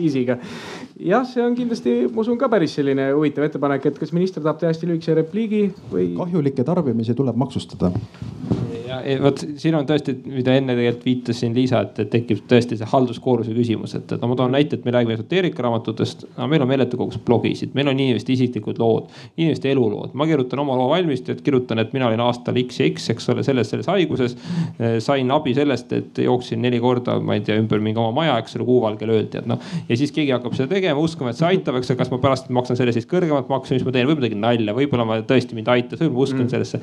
et noh, tegelikult see massiiv, palju seda esoteerikat on kuskile sisse imbunud kellegi muusse loosse, et see ei ole üldse esoteerika raamat, see võib-olla kirjeldab tema elu või uskumust. toon hästi konkreetse näite ka siin, ma tean sellist, tean, kõik teate, kes tennist jälgib, teab selline inimene nagu Novak Djokovic on olemas, tennisemängija. ja tema on näiteks kirjutanud oma siis eluloo raamatus sellest, kuidas, kuidas on mingi kahte sorti seal mingisugust vett olnud, eks ole, ühte seal mingisugune teadlane, eks ole, seal oli testinud mingi nõidseta posis, ma täpselt kogu lugu ei mäleta. ja ta raamatu nagu lõppmoraal oli see, eks ole, et kõik see söömine, joomine mõjutab ja tema, tema nagu ütleme laastus usub väga selgelt sellesse, et mingisugused enam-vähem pool noh, isegi pooled täiseteerilised asjad on aidanud kaasa tema tulemustele. juhtumisi ta on maailma esirekad tennises. et jube raske nagu vaielda inimesega, loomulikult ma ka ei usu, et see on olnud. Eh, samamoodi meil on teised tennisemängijad spordis üldse väga palju on selliseid umbuskusid erinevaid, eks ole, kes kannab kindlat särki alati, kui läheb mängima, kellel on kindel pall, millega ta servib kuskil. et väga palju selliseid asju, millel pole nagu teaduspõhise, tõenduspõhise midagi pistmist ja konkreetse inimesele sobib. ta paneb selle kuskile raamatusse kirja, pärast ütleme talle, et nüüd sa pead hakkama sellest maksu maksma maksma, kuna siin keegi teine, eks ole, otsustas, et, et just see nagu ravib ja aitab, et see piiri tõmbamine niivõrd keeruline, et, et võib-olla see komisjoni loomine, ma arvan, me takerduks komisjonides meeletutesse vaidlustesse enne kui me aktsiisini jõuame, et ma saan aru, see rohkem oli praegu huumorina mõeldud, eks ole. aga noh, printsiip, see on see, see on see küsimus, milles riik tegelikult nagu on, et, et kui sa hakkad mm -hmm. kuskil üks asi reguleerima, siis sa pead minema ikka nii detaili, siis sa pead lugema läbi kõik viimsed raamatud, mis välja antakse nii eesti keeles, muudes keeltes, mis on internetiavarus, mis on needsamad uudised, mida panevad mm -hmm. portaalid välja ja siis igaühele selle aktsiisimäära välja arutama mm, -hmm. et noh, ma arvan, et selle tehtud mm. -hmm. selge, Tuuli, kas sa soovisid midagi lisada või sa liigutasid lihtsalt kätt mingil hetkel? ma liigutasin kätt. ahah, selge. võime edasi minna. aga selline küsimus, et kui me nüüd vaatame näiteks sellist tüüpilist ebaravi kaasust, siis seal on põhimõtteliselt ju kolm osapoolt olemas. seal on olemas inimene kes on otsustanud, et ta seda teenust tarbib. Seal on see nõnda öelda teenusepakkuja, kes seda teenust pakub ja siis väga tihti on seal vahel ka keegi, kes seda teenust vahendab. eks see tähendab seda, et kas see on mõni, mõni, mõni veebiserver, eks ole, on see võib-olla, no meil on olnud ka väga lugupeetud väljaannetes näiteks täitsa selleteemalisi reklaame, et äh, lõppkokkuvõttes võib seal see tagajärg olla väga halb, et kes siin nüüd kõige rohkem vastutab me räägime inimese vabast valikust tänases süsteemis, aga kes siin nagu kõige rohkem peaks vastutama? No vastutab see, kes valetab, võiks olla nii. see, et inimene usub, see on, inimesel on õigus olla loll ja teha valesid otsuseid no mina olen ka loll teatud puhkudel, ma ei salga seda, eks ju, teen ka valesid otsuseid.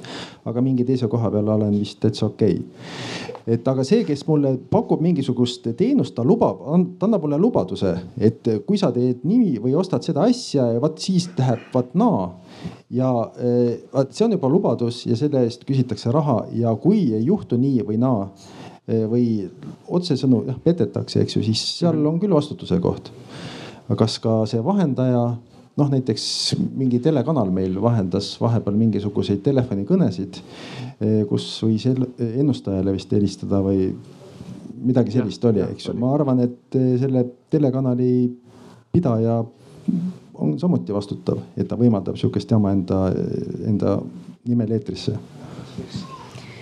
no mina kaitsen kõiki inimesi ja nüüd ma toon ühe näite siia kõrvale. koolis, kus sa õpetaja oled, on kooliõde tunnustatud paberitega. selle kooliõe juures käivad eh, lapsed, kes kurdavad kõhuvalu. kooliõel on eraldi purgike. ta ütleb, et lapsele, et siin on see pastill, mis võtab sinu selle kõhuvalu ära, see ravib selle ära laps joob selle ära, ütleb arst või see õde ütleb veel juurde, et sa pead jooma veel terve klaasi vett ka peale. laps joob selle klaasi vett ka peale, tunneb ennast paremini ja jätkab koolipäeva noh, seal ei ole kõlu, kõhuvalurohi tal selles purgikeses, seal on tal pisikene see mm -hmm. suhkrupastillikene. noh, see ei ole ka kõhuvalu selles kõhuvalu ja. mõttes, eks ju. jah, just jah, et ta laps on ärevuses koolist ja, ja noh, ta saab ja, oma vee joomise ja kõige. sakslastega seotud on, eks ole. see on sakslastega seotud niimoodi, et hakka nüüd siis seletama, et kes see valetas ahah, selles mõttes. kes see valetas, arst või see kooliõde valges kitlis ütleb lapsele, et näed, siin on ravim sinu kõhuvalu vastu mm. -hmm jah, see no. ravib su terveks, sul kõhuvalu. jah, ma. sa ei küsi raha selle eest, no maksumaksjalt küsi. jah, noh, ilmselt muidugi ma saan aru, et võib-olla tõesti võib teatud mõttes siia paralleeli tõmmata, aga ma arvan, et see kaasus, kus näiteks äh, vähki põdev inimene läheb, äh, läheb, eks ole, selle ebaravitseja juurde, see võtab talt ära viimse kui sendi hinge tagant ja lõppkokkuvõttes lõpeb see kõik ka surmaga. et noh, seal ikkagi sellel no, valel on, on, valel on natuke jah. teine, teine väärtus. Soomes on vastav äh, seadusandlus juba väga pikki aastaid arutamisel, aga nad on võtnud eeskujuks ka siis Rootsi seadusandluse, kus on siis nendel ebaravitsejatel nagu oma koht, see on päikese all olemas, aga nende tegevusele on seatud konkreetsed piirangud, näiteks nad ei tohi tegeleda raskete haigustega, vähidiabeedi ja muude selliste asjade ja mitte ka laste ega muude eestkostet vajavate inimestega mm. -hmm see on selline huvitav mõte, kas, kas ka meil võiks midagi sellist tulla kõne alla? et oledki ebaravitseja, sulle on lubatud tegeleda nende teemadega näiteks. jah, no mina ei ole kindlasti see minister, kes ühtegi ebaravitsejat nüüd tervishoiusektoris ametlikult palgale toob, et, et see jääb ära. aga mis puudutab seda vastutust ja, ja vabadust ja kes, mis aste see on, noh no minu silmis ikkagi niimoodi, et ütleme kõige alumisele astmele ütleme, kõige vähem siiski peaks nii-öelda riik, ma ei tea, ütleme siis karistama või sundima või vastutusele võtma neid inimesi, kes neid teenuseid heausklikult tarbivad. sest noh, nemad tõenäoliselt on kas tõesti, kas on, kes on meeleheitlik, kes teeb seda huvi pärast, kes on võib-olla tõesti kommunikatsiooni nagu ohver. et, et pigem minu jaoks ka ütleme vastutuse aste läheb muudkui nii-öelda rada pidi üles, et kes on seal vahendajad, kes on levitajad, kes on reaalselt rikastujad kellegi teise nii-öelda õnnetuse arvelt, eks ole. et need loomulikult on need, need, need sektorid, kes peavad vastutama. ma toon korra nüüd eilsesse tagasihüppe, et osad inimesed siin olid, osad ei olnud, et eile rääkis vaktsineerimisest. ja vaktsineerimine on näide, kus on oluliselt keerulisem seda joont tõmmata, et see lihtsal põhjusel, et kui näiteks tõesti on üheksakümmend neli, üheksakümmend viis protsenti siin teatud haiguste puhul eh, kaetavus, teatud puhul vähem ja, ja kas sellisel juhul see viis protsenti ühiskonnast, kes siis jätab, kellest üldjuhul lapsevanemad jätavad need teadlikult vaktsineerimata. et kuidas siis nende puhul see vastutuse määra nagu rakendada, et iseenesest riiklikust immuniseerimiskavast loobumine on, on seaduse järgi võimalik, anda allkirja, tunnistad neid riske. aga ühtegi rahalist sanktsiooni sul ei järgi, ega su sotsiaalmaks sellest ei tõuse, tervisekindlustus samas, samas osakaal mm. -hmm. samas sinu laps, teoreetiliselt sa ise ka, eks ole, oled kõrgendatud riskiks mitte ainult endale, vaid kõigile teistele ühiskonnas ja tõenäoliselt tekitad ka täielikult rahalist kahju. ehk need, need, need kohad, kus peaks nagu mõtlema, et kas me peaksime mingisuguseid soodustusi, mingisuguseid, ütleme, samad lapsetoetusi, muid asjade puhul vaatama seda, et kui inimene teeb teadlikult ebatervislikke valikuid, ohtlikke valikuid, mitte ainult endale, vaid just laiemalt ühiskonnale. et kuidas siis seda nagu nii-öelda mõnes mõttes teiste, teiste ühiskonnagruppide suhtes õiglasemalt tasandada. et mitte niimoodi, et me kõik maksame solidaarselt kinni, eks ole, teise inimese teadlikud otsused, mis tegelikult põhjustavad ohtu mitte nagu talle, vaid kõigile. ja, ja õhtul, kus tema, tema jaoks see rahaline nagu panuse muutub, mis omakorda tähendab talle ka motivatsiooni teistmoodi käituda. sest see mure on alati selline teoreetiline, hüpoteetiline, mingi võõras teema. Et siin ma olen küll nõus, et peab otsima mingisugust tasakaalukohti, et, et kas just peab olema kõrgem maks olema, räägitud personaalsest tervisekontost ja muust, mis tõenäoliselt on ka tuleviku teema. aga võib-olla erinevad riiklikud soodustused, lastesoodustused, laste tähendab toetused, asjad, et nende puhul just tõesti vaadata seda, et, et kuidas see lapsevanem ja lapsevanem just käitub. aga, aga ka nende puhul ma korra vaidlen iseendaga, on jälle see risk, et kui me hakkame neid vähendama, piirama, aga lapsevanem niivõrd tõsiusklik, et ta ikka jätab vaktsineerimata, siis lõpuks kaotab sellest kõigest laps, et, et see on täpselt see piiri tõmbamine, et, et äh, ei ole niisuguseid lihtsaid lahendusi. nii, et äh, enne siin oli ka soov korra rahva seast saada mikrofoni, ma saan aru, et kaks soovi, aga ma enne küsiks, et Tuuli, sina tegelesid kunagi nüüd sellesama selle ühe teatud äh, lahuse müügi analüüsiga me kuulsime siin täna nagu kahte sellist erinevat äh, lähenemist valetamisele. üks oli siis see, kus iseenesest äh, tahetigi head ja see valetamine ei teinud kahju. ja nüüd see, millest siin mina ja Martin rääkisime, oli ikkagi see, kus valetamisega konkreetselt tekitati kahju ja teeniti raha. et sina oled nüüd ühte sellist asja teatud mõttes lähedalt nuusutanud. et milline mulje sulle nüüd jäi, et kas see oli nagu rohkem pigem selline äh, klaas veega või oli see ikkagi pigem selline pahatahtlik ja rikastumise eesmärgil, et noh, miks miks, miks seda tehakse? Äh, konkreetselt kloordioksiidi juhtumi puhul oli kindlasti algatajatel, proua Veskil ja proua Kukuškinil oli mitterahaline. Nende veendumused on sügavalt ideelised, seda ma täiesti usun ja noh, nende täpselt rahalised võidud sellest on väga raskesti jälgitavad, kuna äri mõistagi äh, ei olnud väga hoolega deklareeritud, noh hilisemad äh, Kukuškini äripartneri Äh, majandusaasta aruanded näitavad suhteliselt tagasihoidlikku aasta kasumit umbes kümme tuhat eurot, et noh, see ei mm -hmm. ole, Eestis see ei ole mm -hmm. rikastumine mm. -hmm. et aga igal juhul Kukuškin ja Veski on ideelised. teisalt teine juhtum, millega ma tegelesin äh,, Cellfood, mis siis oli lahjendatud väävelhape ja vesi, mida siis äh, turustati kõikmõeldava turgu, kõikvõimsa turgutajana, Haagi muide ka spordiga, sest ultraatleet äh, siis kinnitas, et tema tundvat ennast jube palju paremini pärast selle manustamist et äh, seal tema selle toote müüja puhul oli selgelt puhtalt äriline huvi. tal ei olnud endal sellesse mingisugust erilist huvi ega usku. Business as usual mm. -hmm. nii selge, aitäh, ma siis annan mikrofoni siin edasi. siin oli vist kaks, kaks soovile, katsume minutiga hakkama saada. küsimus mm -hmm. Küsimus. ministrile tuleb, et äh, ma vaatan nüüd seda, miks me siin üldse koos oleme, siis eesmärk peaks olema ju see, et me oleksime kõik terved, on vist, see ongi nagu selle lõppeesmärk. ja kuidas see nagu terve olla, ilmselgelt kõige tähtsam on olema teadmised ehk me peame olema teadlikud, mida me teeme, mis on ohtlik, mis ei ole ohtlik. me vist oleme kõik sellega nõus, et me peame olema teadlikud. nüüd küsimus on nüüd selles, et meil, mis on nagu kurb, väga palju nii-öelda nagu teadmisi, andmeid hoitakse kinni, kaasa arvatud Terviseameti poolt. et noh, see on pikem teema et eh, eh, see käib küll vaktsineerimise teemas selleks just, mida nagu Kiik rääkis siin. aga minu, minu küsimus on nüüd niimoodi teadlikkusest. kas te olete ise lapsevanem? kas te suudaksite korraks tulla sellest nii-öelda ministri rollist välja ja võtta sisse lapsevanema roll? kogu aeg ses rollis. Okay. ta suudab, ta suudab, nii küsimus. ja küsimus on niimoodi kui te lähete oma väikse lapsega käe kõrval rõõmsa eh, rõõmupalliga, lähete kuskile sünnipäevale mängutuppa. ta on üksteist kuud, ta on vankris mul reeglina veel. just, okei eh, no siis on teil raske, aga noh, kujutage ette, et natukene suurem, te lähete kuskile mängutuppa äh, äh, lapsega mängima äh,. ukse peal võtab tädi teid vastu ja ütleb, näed, siin on, lapsed mängivad kõik siin ja siin on suur kuhikomme. et sealt võib julgelt minna võtma. aga selles kommikuhjas on üks mürgine komm, kuidas te käituksite? jah kohe, kohe esiteks, esiteks on väga huvitav pidu muidugi, aga, aga, aga ega printsiibis. teate, teate. oma lapsele ma üldiselt komme, komme väga ei plaani üldse anda, tunnistan, aga äh, ma vastaks ikkagi ära, see tohib lühidalt, et ma saan sellest metafoorist aru ja nii edasi, et noh, printsiibis äh, ütleksin lapsele, et mul on kotis midagi paremat ja annaks talle midagi sealt.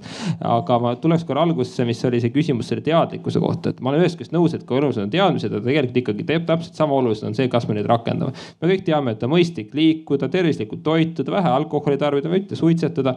kõik suitsetajad teavad, teeb tervislikku asja mitte ükski suitsetaja pole mulle veel ütlema, et tead, ma arvan, et tegelikult see aitab mulle kopsudele kaasa.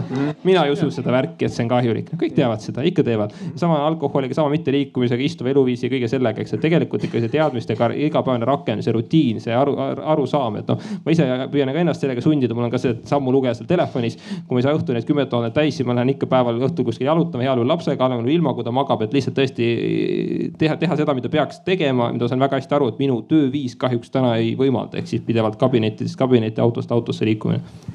Ehm, jah, mul on, mul on palve, et katsume teemast püsida, ma sain aru, miks see võib-olla see küsimus tuli, aga räägime ikka, räägime ikka asjast. Liisa, kas sul oli midagi lisada veel lühidalt? ma väga vabandan, et kuna peame natuke varem ära minema, ma reflekteeriksin sama küsimust, et ja nüüd ütlen midagi normaalset ka üle tüki aja. et tegelikult on näiteks õigus äh, lasteasutusel, ülikoolil, koolil öelda, et mitte vaktsineeritud lapst me vastu ei võta välja arvatud põhikoolil. Kõikidel teistel haridusasutustel on selline õigus olemas ja seesama, see, et siin on palju komme, üks nendest on mürgine.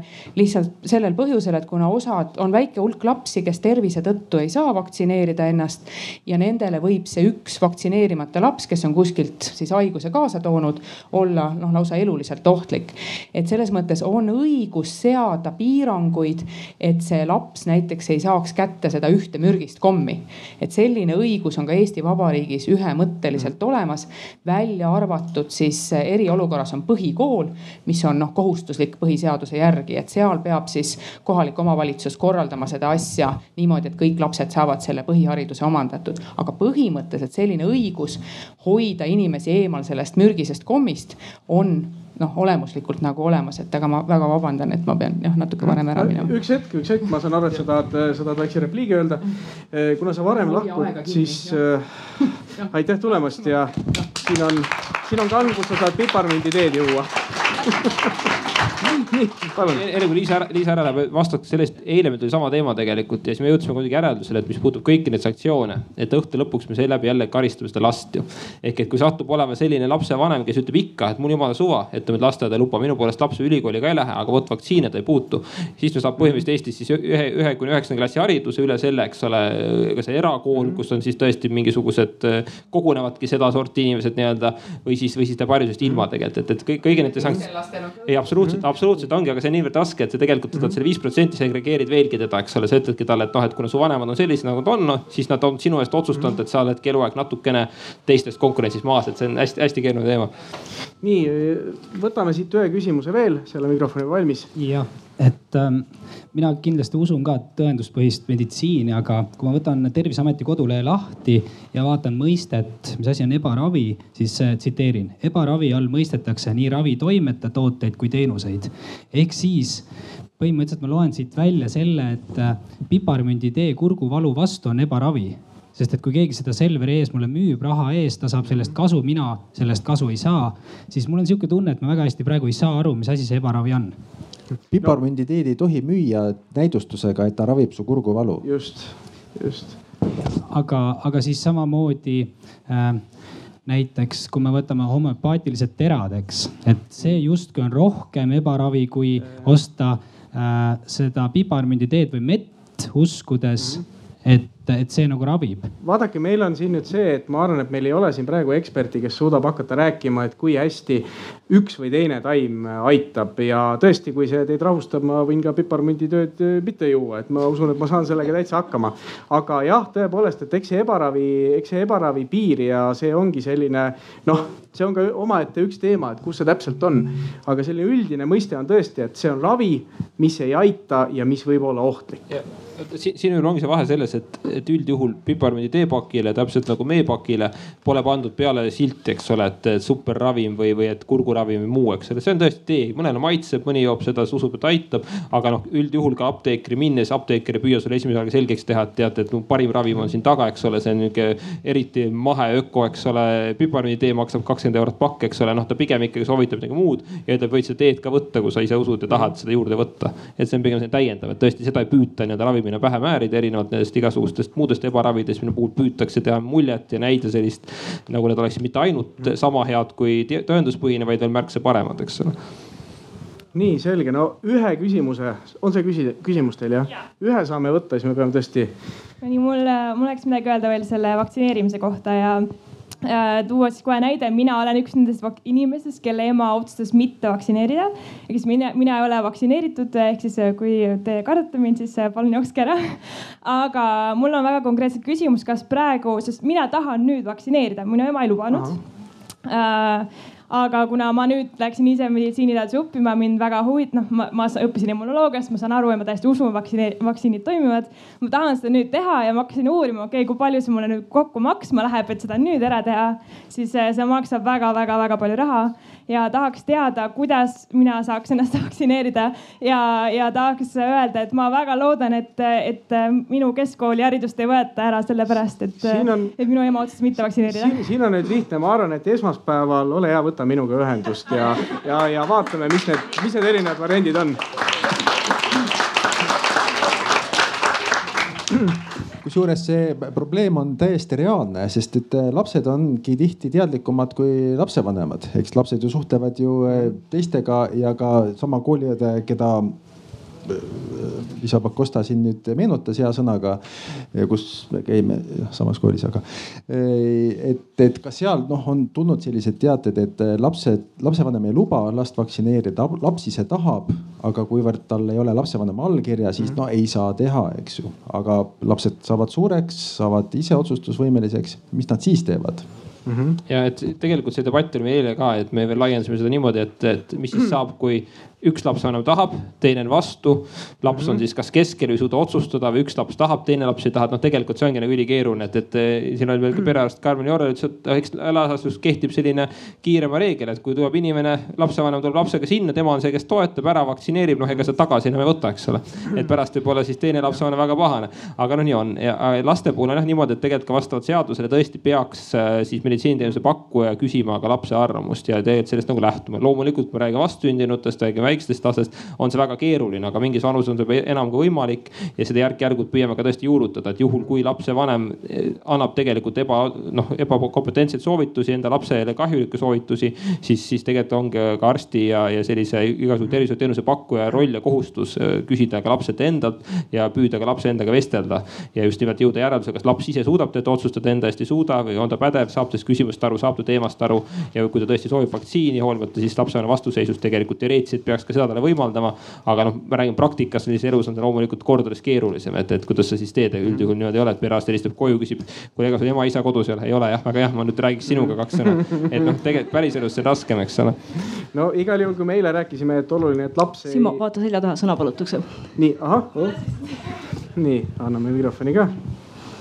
nii et selle, selle koha pealt lisada, et ega no selles vanuses, kus ma olin ja kus neid otsuseid tehti, ega mul ei olnud õrna aimugi, noh, kui su enda, enda ema ütleb, et noh, et, et ei ole vaja teha ja, ja ei usu sellesse, siis ega noh, mina kaheksa-kümne aastane ei ole õige inimene neid otsuseid mm. tegema. eks minu arvates, mida mina soovitaks, võiks olla see, et, et kui inimene saab täiskasvanuks ja nii-öelda õpib selle kohta, siis ikkagist pakkuda nendele lastele võimalus ennast hiljem tasuta vaktsineerida ja mm. ma arvan, et see oleks äh, üks kasu kasulik. ja ma. tahtsin sulle öelda äh, kõrvale, et äh, ma tean kogemust poiss, poisterahvaga, kes samamoodi oli vaktsineerimata ema vastuolus, mine sõjaväkke. talle tehti kõik vaktsiinid e, Eesti kaitseväe poolt ära, mürtsti, kõik oli korras mm. -hmm. nii selge. Ja kas siin on, siin on, ma saan aru, et siin on käsi on nii palju, et me ei jõua vist kõiki enam ära teenindada. ja Talle palun andke, andke palun talle seal mikrofon. ahah. kasutaks seda ülesõitmisõigust. me, me tõuseme varsti kõik varsti püsti, sest meil hakkab aeg otsa saama. nii selge, okei okay,, kaks viimast võtame siia ja siis võtame, aga kat-, katsume lühidalt teha. aitäh, ma olen tõesti täna selle, selle töötoa pärast tulnud ja ma tahaks tulla tagasi ikkagi meditsiini juurde ja mul on nii hea meel, et minister siin on. ja ma tahaks lihtsalt äh, öelda teile seda, et mikspärast üldse siin alternatiivi minnakse. kellel on surmahaigus, see üldiselt läheb. ja, ja ütleme niimoodi, et noh, minul on vähiga kokkupuude, küll mitte endal õnneks, aga meditsiin ise tõukab need inimesed sinna. ja kui arstil ei ole aega sellise inimese jaoks, kellel on kõige olulisem ellu jääda, tal on surmahirm ja ta ei saa mitte mingit psüühilist tuge. Äh, öeldakse, kolme nädala pärast on sul keemia ja nüüd mine vaata, kuidas sa ise hakkama saad. ja kui siin on kliinilise äh, psühholo psühholoogi esindaja ja, ja, ja, ja kõik need teenused on olemas, siis tegelikult neid teenuseid pakutakse imevähe ja siis inimene, et ta tahab lihtsalt, ei taha ära surra. Ja ta otsib kõike võimalikke, et ellu jääda. ja see psühholoogiline pool on kõige tähtsam seal, et ta püsti seisaks. Ja keemiaravi mõjub, aga seda psühholoogilist tuge ta leiab paraku sealt mujalt selge, selge nii aitäh. selle kommentaariga, et, et alternatiivravi poole tõesti minnakse paljuski seetõttu, et tava jääb kättesaamatuks või õigeaegselt, sellega ma olen täiesti nõus. et loomulikult, loomulikult, loomulikult see on, see on, see ongi probleemiks, me näeme tegelikult ülekoormust, me näeme, arstid on liiga väike, me näeme seda, et haigekassa rahastus ei kata ära ka ravijuhtumeid ja tõesti need järjekorrad on pikad. ka meil kõigil on, ma arvan, lähedasi, kellel on need kokkupuuted selle teemaga olnud. tõesti see ka sellisel juhul lähedaste enda tugi, eks ole, inimesele kõik see on väga ja. oluline, sest tõepoolest arst kahjuks ei, lihtsalt ajaliselt ei jõua eh, piisavalt tegeleda tegeleda patsiendi, sellega, sellega olen nõus, aga see on pigem, see on eh, täiesti nõus, aga noh, see ongi meie, meie tänase meditsiini see, paratamatu probleem, et meil on, ei ole piisavalt ressursse. ja see on jälle see detail, et ärme sinna väga sügavalt lasku, et eh, tegelikult me ka alguses käisime läbi need võimalikud põhjused ja see üks eh, võimalik põhjus oligi pettumus nõnda-öelda meditsiinisüsteemis. aga kuulame ka sealt ära arvamuse tere ja me oleme palju siin rääkinud alternatiivmeditsiinist ja aga ma arvan tegelikult, et äh, kõige laiemalt praktiseeritud ebaravi Eestis on see, et eestlane on kannataja, ta ei lähe üldse arsti juurde et mida ma olen kuulnud nagu, mida ma olen enda peale tähele pannud, et kuidas ma käin koolis kaks kuud äh, kopsupõletikuga, mida ma olen kuulnud oma arsti, arstisõpradelt. on, et kuidas saavad nagu haigused ja asjad nii kaugele minna, eriti ka rääkides äh, mentaalsest tervisest. aga et äh, ja ma ligitaksin selle just nimelt ebaravi alla, sest et see on mingi eestlaslik uskumus, et äh, asjad lähevad ise mööda ja et kui natuke ootame, et siis äh, äkki läheb paremaks. aga ma arvan, et kõige kahjulikum nagu protsentuaalselt võikski olla see, et tegelikult eestlane ei, teda on raske sinna arsti juurde üldse saada. kui just äh, suremas ei ole, siis ja kiirabi ei kutsu, siis, siis eestlane väga arsti juures ei käi. nii selge, aitäh nii võib siis selle mikrofoni tagasi. no aga keegi ei teeni selle pealt vähemalt jah, et kui ma nüüd üritan lühidalt seda meie tänast diskussiooni siin kokku võtta, siis äh, me käisime ka läbi siis selle, et miks inimene üldse selle ebaravi võib valida, et siin oli mitmeid erinevaid põhjuseid. üks oli tõesti see, et äh, inimene on pettunud, võib-olla inimene on saanud äh, valeinformatsiooni, teda on, teda on selleks mahitatud, et neid põhjuseid on erinevaid, miks see, miks see niimoodi on. kui me arutasime seda, et kes selle ebaravi puhul siis ka vastutab, kui seal on ohver, siis me jõudsime ka järeldusele või noh, oli siin arvamus, et tegelikult nii, et vastutab see, kes valetab ja samal ajal ka see, kes sellele valetamisele kaasa aitab, ehk siis see kanal, kus kaudu seda, kus kaudu seda vahendatakse. ja muidugi nagu eilegi me jõudsime selle tulemuseni, et kindlasti ei tohiks kannatada need inimesed, kes enda eest ise seista ei saaks. ehk siis lapsed, et noh, täna mul on väga kahju, et ei olnud eilses diskussioonis, et eile meil oli tegelikult väga pikk jutt oli just sellest, et kuidas see, kuidas see vaktsineerimine ja lapse arvamus ja kuidas see kõik käib. et see oleks väga super olnud, kui ta oleks olnud eile ka kohal. aga et igal juhul jah, et põhiline on ikkagi see, et kõige selle tulemusel inimesed ei kannataks. ja ma küsin ka siit siis lõpuks sellised äh, lõpumõtted ära, et äh, noh Martin, et mis sa arvad, et kas, kuidas, kuidas selle ebaraviga on, et kas praeguses maailmas, kus internet, mis peaks äh, levitama kõike maailma tarkust, aga teeb vahepeal ka midagi muud. selles maailmas pigem ebaravi on tõusev trend või me jõuame mingisugusel hetkel seisu, kus ta hakkab langema? ja, et see ebaravi värk käib äh, laineti, kord on ta rohkem laineharjal, kord laine põhjas jälle ja tuleb jälle uuesti, kui ta vahepeal ka ära vaibub, et ei ole midagi uut siin ilma peal mis, eh, mingi hea mõte mul oli veel. Ehm, eh, ei tule praegu rohkem meelde. nii selge. Eh, Tuuli, sinu, sinu mõtted veel selle koha pealt, et kas ajakirjandus saaks kuidagi paremini? kindlasti saaks, et eriti just selle koha pealt, et oma alkeemia ja muid selliseid sõsarportaalikesi paremini taltsutada. aga muidu ka, et ajakirjanikud saavad ju teemasid valida et mida rohkem on ajakirjanikke, kes sel teemal kirjutavad, seda parem.